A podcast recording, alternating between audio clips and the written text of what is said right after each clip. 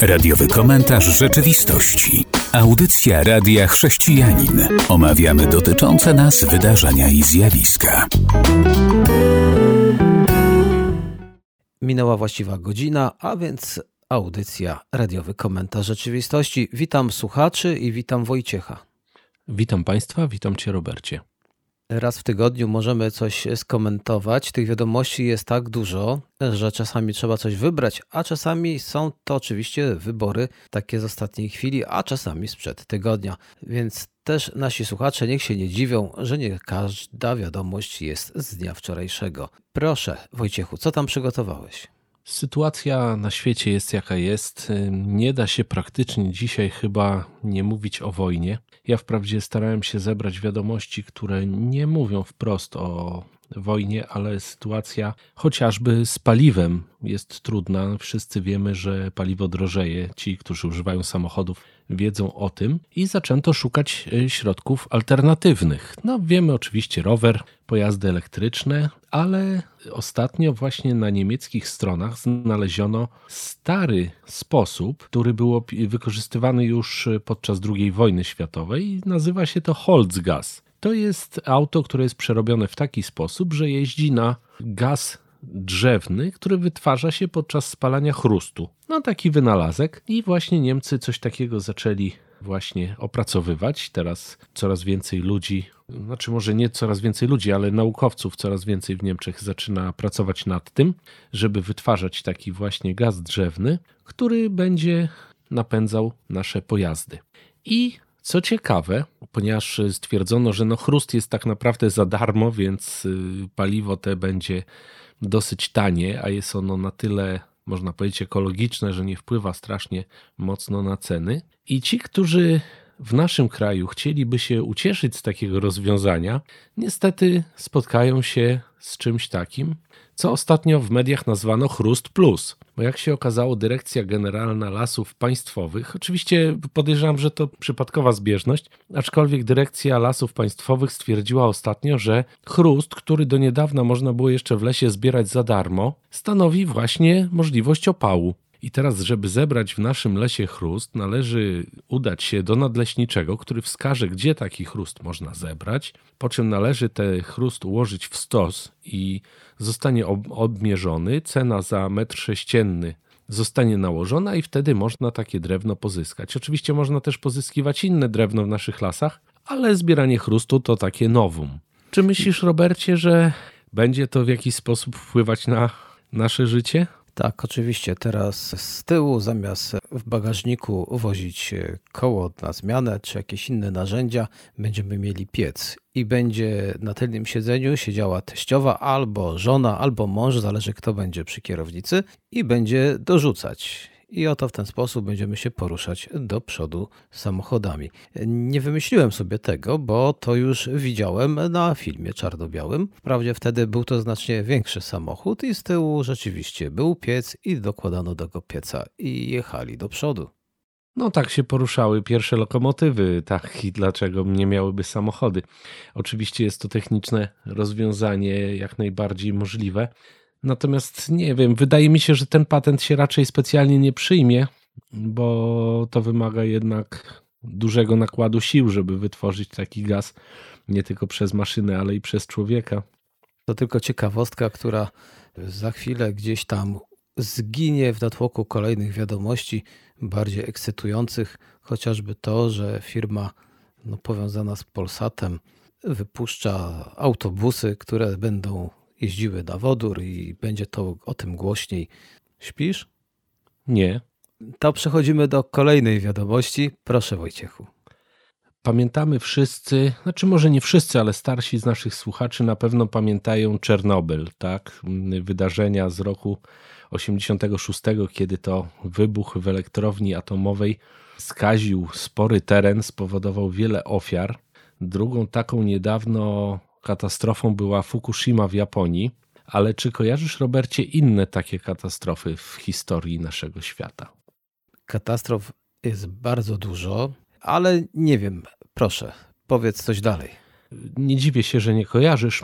Pewnie mało kto z nas y, to kojarzy, dlatego że jest to jedna z najściślej strzeżonych tajemnic przez ZSRR. Otóż po II wojnie światowej Rosjanie też chcieli dorównać Stanom Zjednoczonym, które przechwyciły wielu naukowców niemieckich pracujących nad rozszczepieniem atomu. Związek Radziecki też oczywiście prowadził takie badania i taka elektrownia powstała w Czelabińsku. To ten Czelabińsk, gdzie parę lat temu spadł taki słynny meteoryt, taki duży. Pięknie to wyglądało na filmie, ale właśnie Czelabińsk nazywało się to Czelabińsk 40. Ta fabryka przetwarzała uran, a ponieważ nie znano jeszcze specjalnie takich sytuacji, właśnie jak te katastrofy atomowe, po prostu wszystkie odpady wyrzucano do rzeki. Rzeka została bardzo mocno skażona a ludzie, którzy z niej korzystali, zaczęli się uskarżać na różne dolegliwości i w związku z tym zaprzestali używania tej wody. Naukowcy oczywiście to zauważyli, więc y, zaczęli wyrzucać te odpady do pobliskiego jeziora Karaczaj, które jest teraz jednym z najbardziej toksycznych miejsc na świecie. Tam po prostu nie da się żyć. I tam właśnie w wyniku wybuchu zbiornika z odpadami oderwała się właśnie pokrywa ważąca 160 ton. W powietrze uniosła się ogromna chmura odpadów radioaktywnych, która skaziła bardzo mocno teren i to było bardzo mocno ukrywane. To była wielka tajemnica. A jak się okazało, Ameryka w postaci swoich agencji, między innymi CIA, czyli Centralnej Agencji Wywiadowczej, doskonale wiedziała o tej katastrofie, natomiast nic nie mówiła ze względu na to, że Stany Zjednoczone również prowadziły badania i nie chcieli przestraszyć ludzi, nie chcieli zaprzestać tych badań, nie chcieli zaprzestać zbrojeń jądrowych. Jaki z tego morał? Chyba taki, że trzeba ufać rządom, ale nie tak do końca, bo jednak oni swoje tajemnice mają a dodatkowo bardziej się przygotować na życie wieczne niż tutaj na Ziemi, bo jeżeli takie rzeczy mają miejsce to tu, to tam, no to nasze życie bardzo szybko może się zakończyć. Więc ufanie rządom to rzeczywiście dzisiaj jest chyba mocno nadwyrężone, bo to co widzimy, a jeszcze podejrzewamy, że są jakieś ruchy gdzieś głębiej, prawda? Jest jakieś inne dno, bo te nasze rządy robią swoje, a na całym świecie gdzieś ktoś coś w czymś porusza, że widzimy, jakby był gdzieś taki rząd światowy. Znaczy, ja akurat jestem bardzo sceptycznie nastawiony do tych wszystkich teorii o światowym rządzie, aczkolwiek nie, nie wykluczam tego oczywiście, bo różne teorie spiskowe, które były omawiane przez ludzi, okazały się potem prawdziwe. Jak na przykład to, że Amerykanie szprycowali, można powiedzieć, swoich żołnierzy w Wietnamie marihuaną i sprawdzali, jak te różne leki czy LSD, jak działają właśnie na żołnierza podczas walki. Mówiono, że to jest teoria spiskowa, po latach okazało się, że była to prawda. No, trzeba mieć dużo ostrożności w różnych sprawach. Informacje, które do nas docierały, które podejrzewaliśmy, że są teorią spiskową, okazuje się, że dzisiaj jest wiele takich historii, które się już okazały prawdą. Ktoś to kiedyś ładnie zaczął podliczać i okazuje się, że jest to taka liczba, która ma ogromne znaczenie jednak dla świadomości, ale jednak się jeszcze wciąż nie może przedostać. Teraz przerwa, drodzy słuchacze. Zapraszam na utwór muzyczny.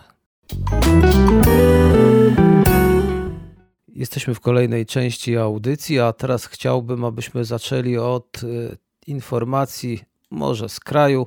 Bardzo często jesteśmy gdzieś poza granicami. Kościół i katechetka, czyli wielka wiadomość, która pojawiła się na Onecie z tytułem Problemy z religią w szkołach. Katechetka sprawdza w piątek kanapki uczniom i każe wyrzucić te z wędliną. Czy uważasz, że to jest właśnie wielki problem religii w szkołach? No, to jest chyba bardziej wielki problem z ludzkim myśleniem, bo wydaje mi się, że katechetka jako nauczająca powinna raczej wyjaśnić dzieciom mandry wiary katolickiej i tego, co powinno się robić, a co nie powinno. Natomiast, a nie stosować środki przymusu bezpośredniego. No zresztą na jakiej podstawie ona to robi? No to, to, to co to średniowiecze czy inkwizycja? Chciałem pokazać, że jedna katechetka to nie jest problem wszystkich katechetów, stała się bardzo popularna.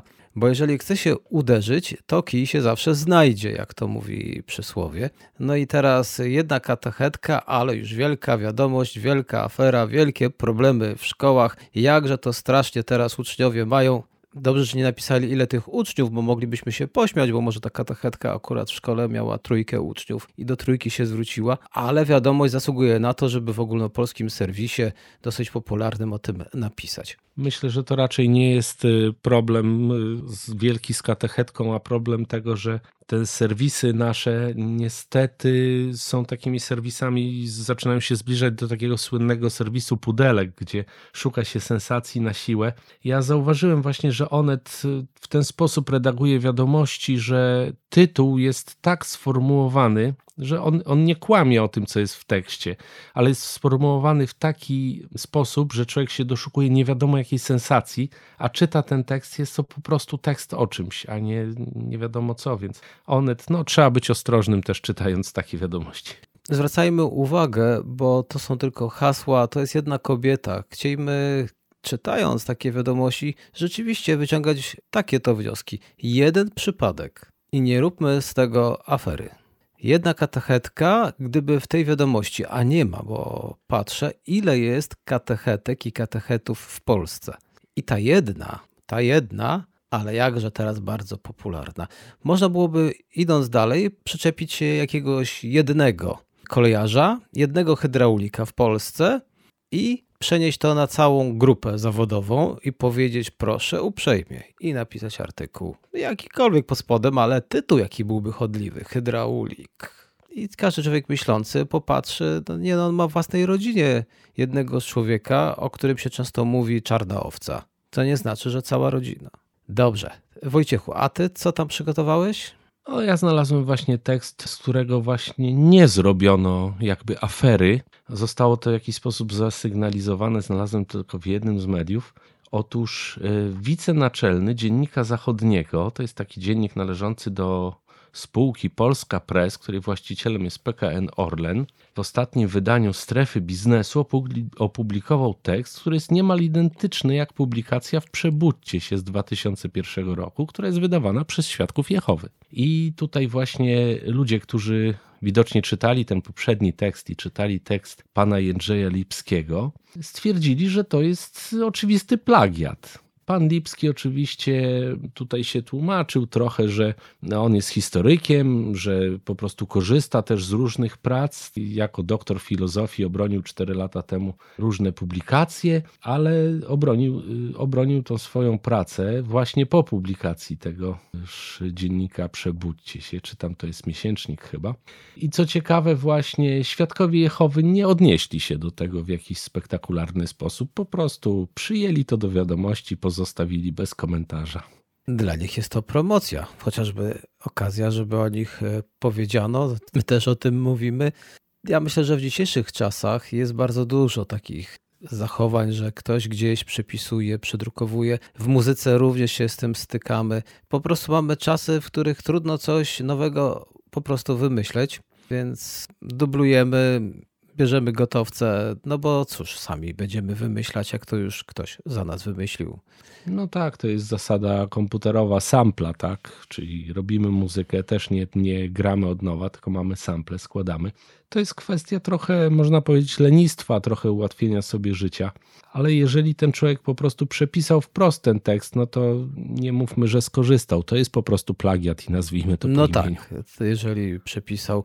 Kiedyś się zastanawiałem, bo bardzo często jakiś czas temu była mowa o tym, że muzycy mają jakieś tam fragmenty, które są już zapożyczone od innych muzyków i głośno o tym było, że ktoś prawia plagiat. Oczywiście czasami było to tylko kilka akordów, y, bo to nie chodzi o cały utwór, ale czy dzisiaj jesteśmy w stanie wciąż jeszcze wymyślać całkowicie nową muzykę?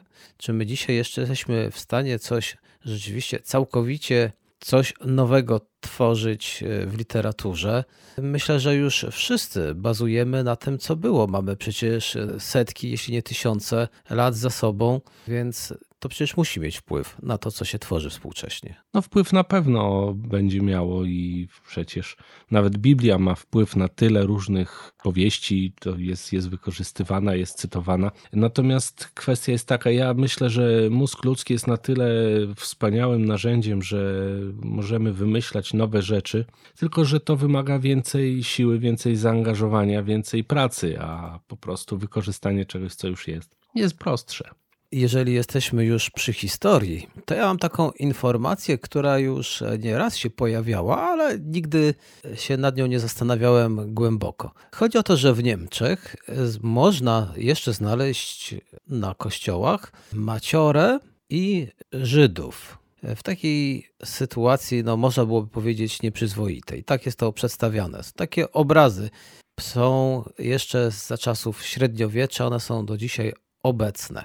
No i w poniedziałek Sąd Najwyższy Niemiec rozważał, czy taki kontrowersyjny jeden z tych obrazów, to bardziej taka płaskorzeźba, widzę to na zdjęciu, może pozostać w kościele miejskim w Wittenberdze. Słyszałeś o takich problemach? Nie, akurat nie wpadło mi to w ucho. W ucho.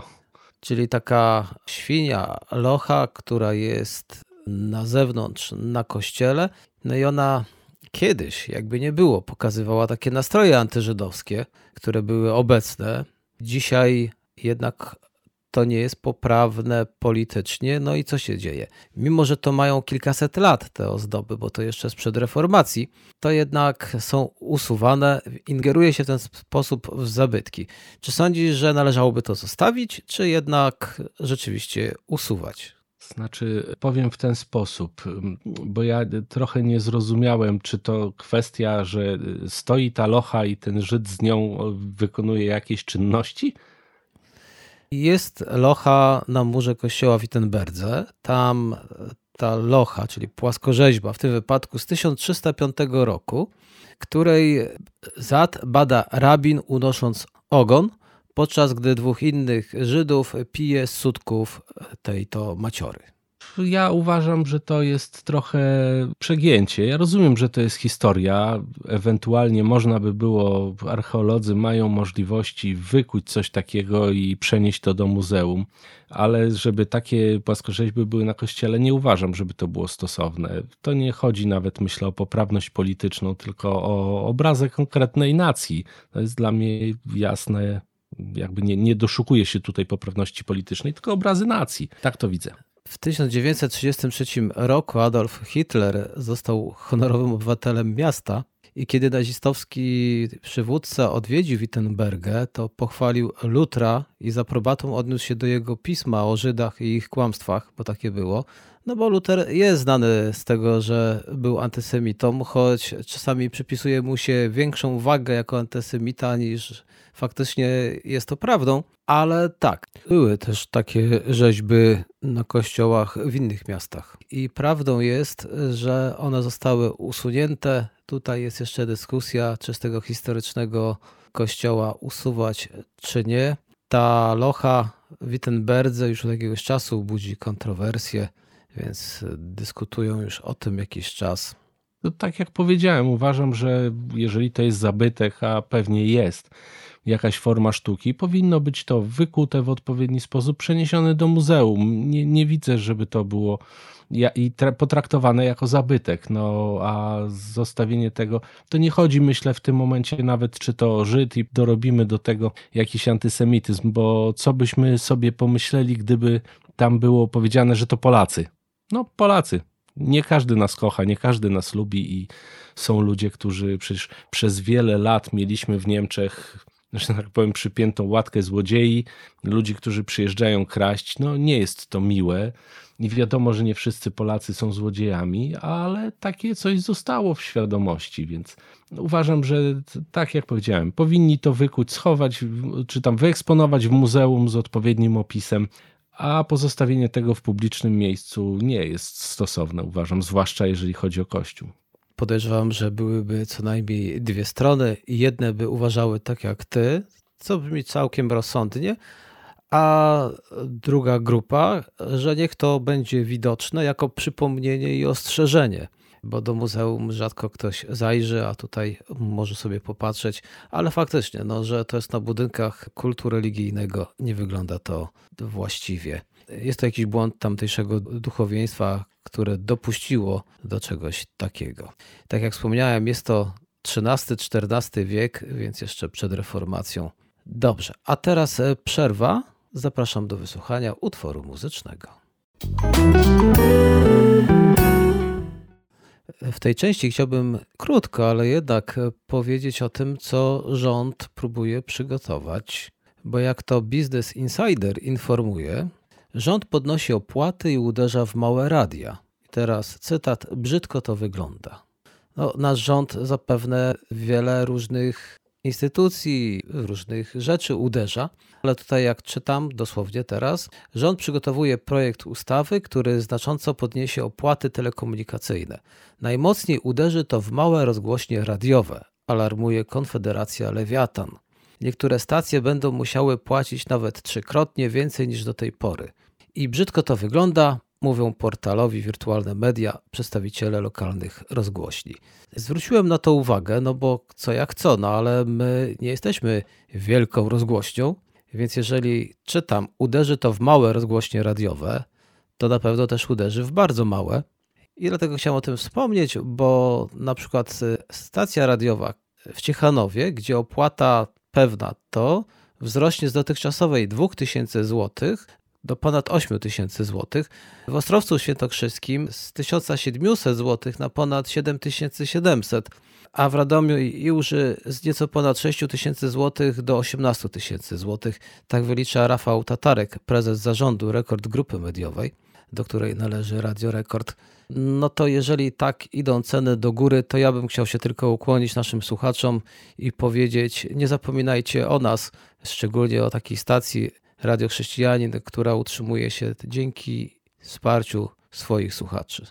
No tak, to jakby to skomentować, po prostu widzę, że rząd ma pieniądze dla dużych stacji, a żeby je skądś wziąć, to pewnie bierze z małych stacji. No stara prawda, że tak naprawdę rząd utrzymują mali podatnicy, a nie ci najwięksi. I tak to wygląda. No przykre to jest bardzo. Y, podejrzewam, że to też jest działanie mające na celu zniechęcenie różnych osób do prowadzenia tych stacji, bo niektóre stacje nie są przychylne naszemu rządowi a jeśli się utrzymują właśnie z dotacji, to, to prędzej czy później będą musiały skończyć swoją działalność, bo mogą nie udźwignąć tych podatków. No jest to bardzo przykre. Działalność nadawcza wiąże się zawsze z ponoszeniem kosztów i one rosną, no bo jeśli rośnie też energia, no to z samego tego tytułu my już będziemy więcej płacić. Wszelkie opłaty idą do góry, więc będziemy płacić. A jeżeli takie licencyjne opłaty też będą podnosić, no to też trzeba będzie za to płacić. To na rynku faktycznie mogą się tylko utrzymać giganci, a te małe stacje pozostanie im się zwijać. No, bardzo przykra sytuacja. Jeśli mówimy o radiu, to się okazuje, że w Rosji też radia nie mają bardzo fajnie bo po pierwsze rząd ciśnie te wszystkie rozgłośnie działające czy w eterze, czy w internecie, żeby tylko prawidłowe informacje tam się pojawiały.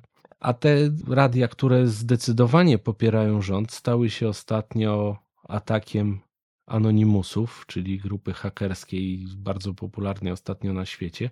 Jest to grupa zrzeszająca 100 stacji radiowych. Wybieraj radio się nazywa.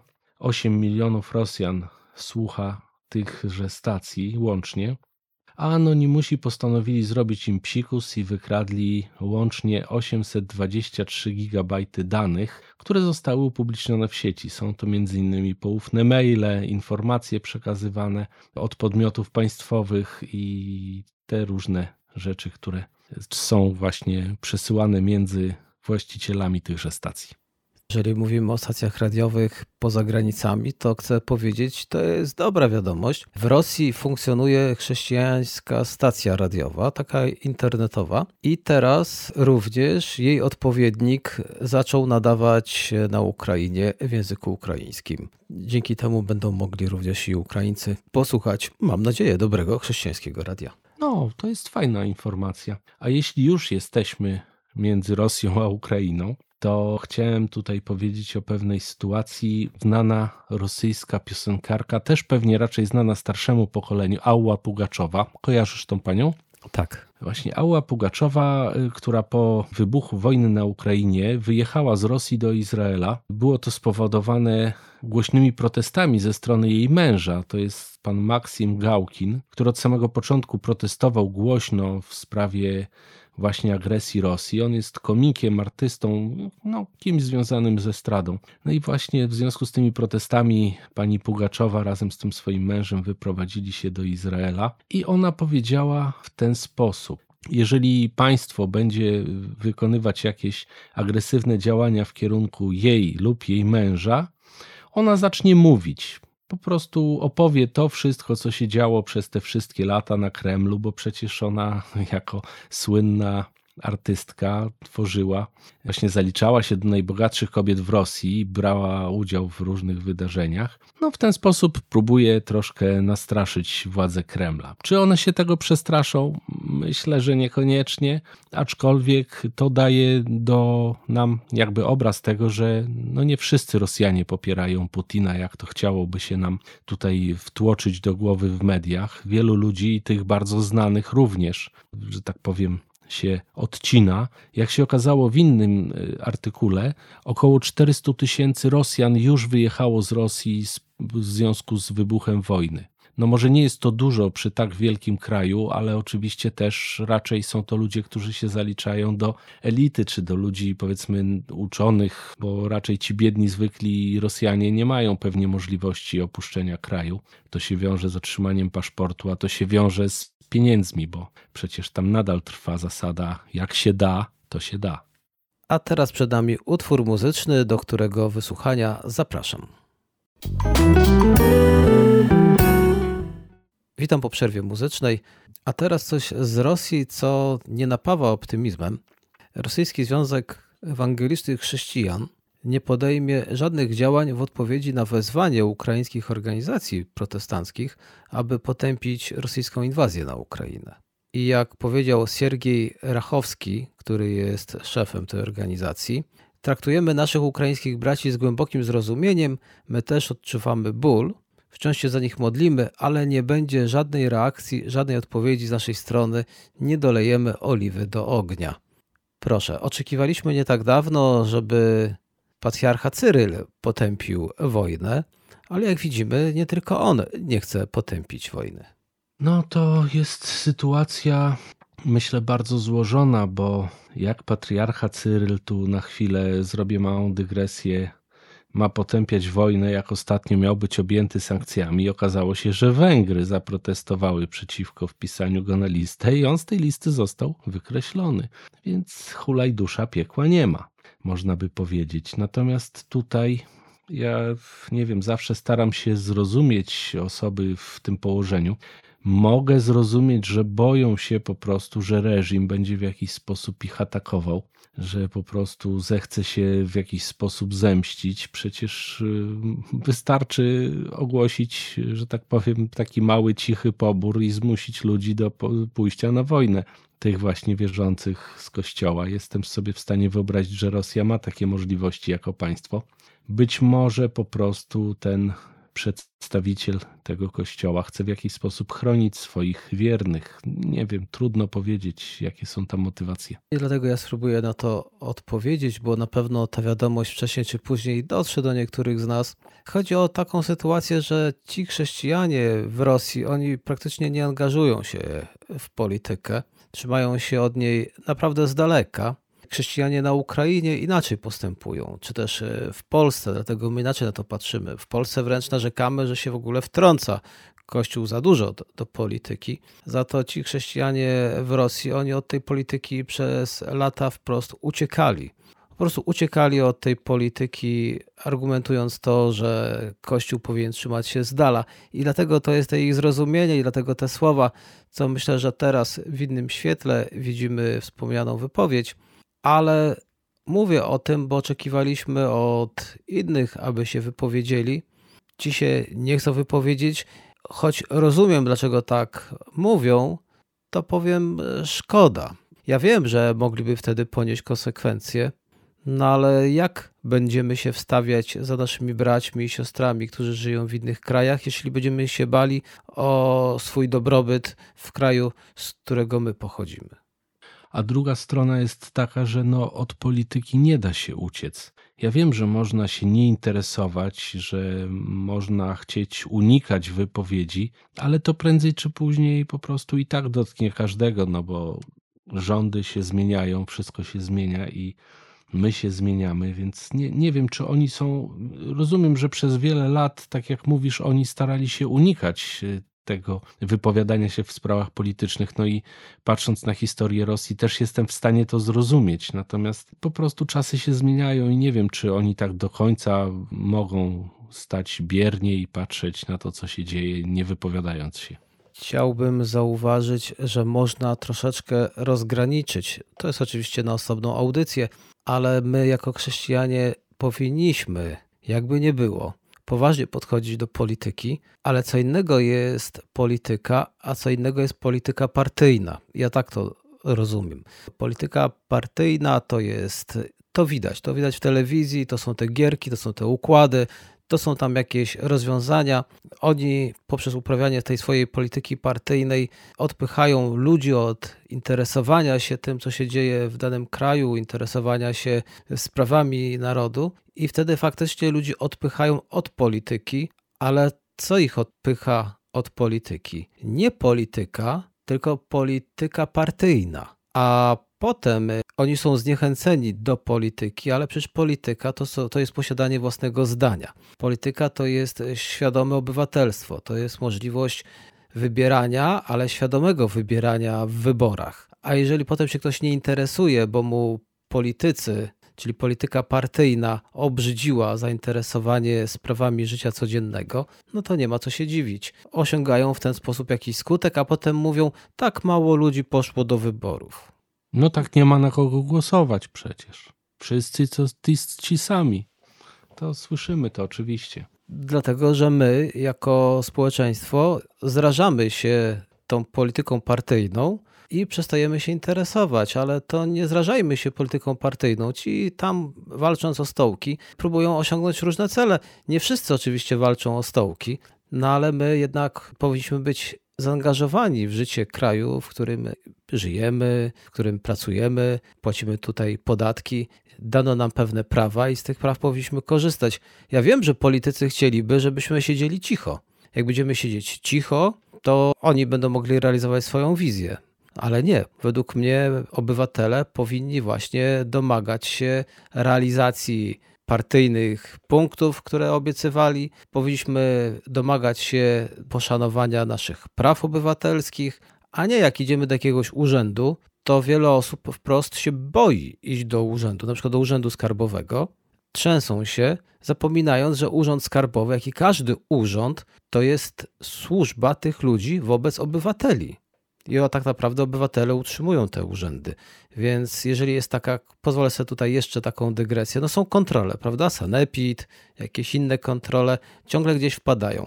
Jakby to było, powiedz mi, gdyby wpadała taka kontrol z sanepidu i wchodząc mówią, albo jeszcze lepiej, ten, który ich wpuszcza, czyli właściciel lokalu mówi: Jakże się cieszę, że Państwa widzę. Bardzo potrzebuję takiej kontroli, która pozwoli mi się zorientować, gdzie mam jakieś uchybienia, żeby mógł je naprawić, aby móc lepiej służyć moim klientom. Więc witam Państwa serdecznie. Czy zrobić herbatę, kawę, zanim Państwo przejdą do kontroli? No tak, i to nie jest wbrew pozorom wcale niemożliwe bo znałem kiedyś e, jednego audytora, który miał właśnie takie podejście, że audyt służy właśnie ulepszeniu firmy, a nie wytknięciu błędów, bo błędy się zdarzają, tak jesteśmy ludźmi.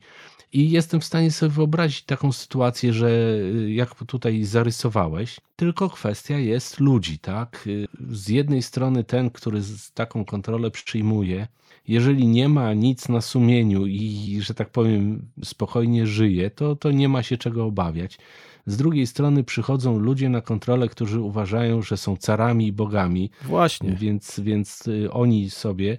Z trzeciej strony, co jest też bardzo śmieszne, znaczy śmieszne, straszne i śmieszne, bo przepisy w naszym kraju są w ten sposób pisane, że ludzie po prostu często nie wiedzą o czymś i postępują niewłaściwie, a tu się pojawia nieznajomość prawa szkodzi.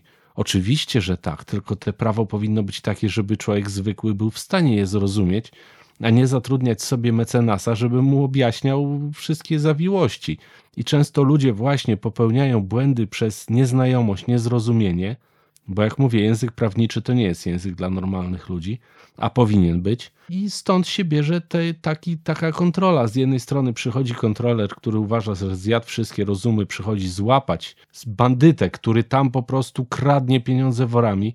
Z drugiej strony człowiek, który albo wie o tym, że świadomie coś robi niewłaściwie, żeby ominąć, że tak powiem, jakieś na przykład podatki, albo faktycznie z swojej niewiedzy omija, jeżeli omija z niewiedzy, a jest traktowany jak bandyta i złodziej, no to trudno się dziwić, że nikt takich kontrolerów nie chce widzieć u siebie w zakładzie. I jako państwo obywatelskie, gdybyśmy się interesowali właśnie polityką i prawami, to powinniśmy domagać się, że taka kontrol, która przychodzi, jakakolwiek, to ma właśnie taką postawę.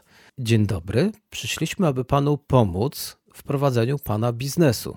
Z przyjemnością teraz skontrolujemy państwa firmę, spróbujemy wspólnie znaleźć niedociągnięcia, pomożemy je naprawić, tak aby Państwo mogli dalej prowadzić swoją działalność z sukcesem dla siebie, jakże i dla społeczeństwa. Czy możemy już przejść do pracy, do działania, do kontroli? Tak to powinno wyglądać, dlatego że te kontrole one są z podatków tych, do których idą ich kontrolować. Więc to powinna być służebna rola tych firm, a nie zakładać, że wszyscy są bandyci. Oczywiście, jeżeli znajdą niedociągnięcia, raz mogą pokazać, pomóc, ale przecież taka kontrol może przyjść za rok, dwa i sprawdzić, co oni z tym zrobili. Jak sobie zlekceważyli to wszystko, no to wtedy mogą przejść do jakichś innych działań, wyciągając konsekwencje poważniejsze. No masz rację, to jest, to jest piękna teoria, chciałbym, żeby tak było, ale myślę, że to powinniśmy zacząć od zmiany prawa i dostosowania go dla obywateli, a nie dostosowywania obywateli do prawa. I tu wracamy do tematu, o którym mówiłeś. Zwracajmy uwagę na polityków, na których głosujemy, bo to oni będą te prawo stanowić. I na tym kończymy naszą dzisiejszą audycję. Dziękuję za uwagę. Do usłyszenia. Do usłyszenia. Był to radiowy komentarz rzeczywistości.